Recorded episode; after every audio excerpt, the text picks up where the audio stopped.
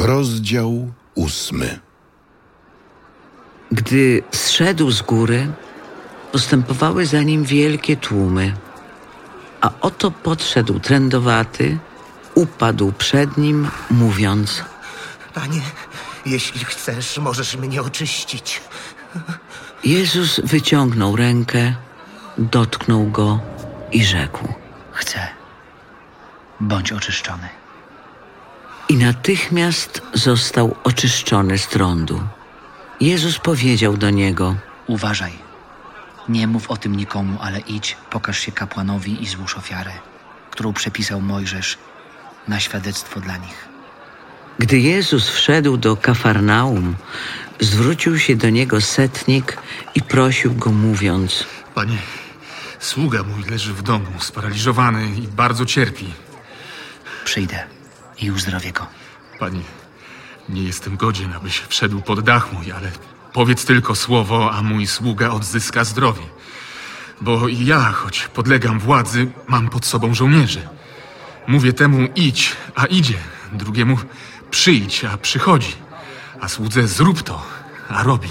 Gdy Jezus to usłyszał, zdziwił się i rzekł do tych, którzy szli za nim: Zaprawdę powiadam wam, u nikogo w Izraelu nie znalazłem tak wielkiej wiary. Lecz powiadam wam, wielu przyjdzie ze wschodu i z zachodu i zasiądą do stołu z Abrahamem, Izaakiem i Jakubem w Królestwie Niebieskim. A synowie Królestwa zostaną wyrzuceni na zewnątrz, w ciemność.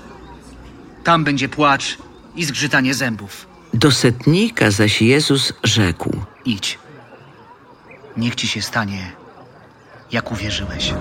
I o tej godzinie jego sługa odzyskał zdrowie. Gdy Jezus przyszedł do domu Piotra, ujrzał jego teściową leżącą w gorączce. Ujął ją za rękę, a gorączka ją opuściła. Potem wstała i usługiwała mu. Z nastaniem wieczora przyprowadzono mu wielu opętanych. On słowem wypędził złe duchy i wszystkich chorych uzdrowił. Tak oto spełniło się słowo proroka Izajasza. On przyjął nasze słabości i dźwigał choroby. Gdy Jezus zobaczył tłum dookoła siebie, kazał odpłynąć na drugą stronę, a przystąpił pewien uczony w piśmie i rzekł do niego. Nauczycielu, pójdę za tobą, dokądkolwiek się udasz. Jezus mu odpowiedział. Lisy mają nory, a ptaki podniebne gniazda.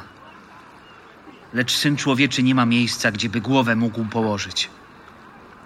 Ktoś inny spośród uczniów rzekł do niego. Panie, pozwól mi najpierw pójść i pogrzebać mojego ojca. Lecz Jezus mu odpowiedział. Pójdź za mną, a zostaw umarłym grzebanie ich umarłych. Gdy wszedł do łodzi, poszli za nim jego uczniowie. A oto zerwała się wielka burza na jeziorze, tak że fale zalewały łódź. On zaś spał. Wtedy przystąpili do niego i obudzili go, mówiąc: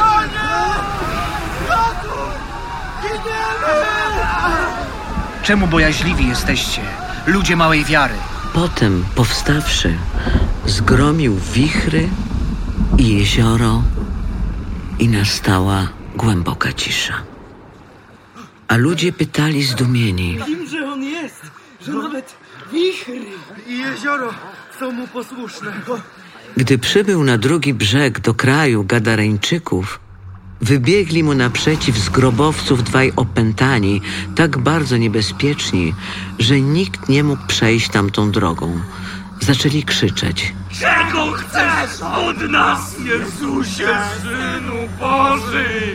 Przyszedłeś tu przed czasem dręczyć nas? a opodal nich pasła się duża trzoda świń.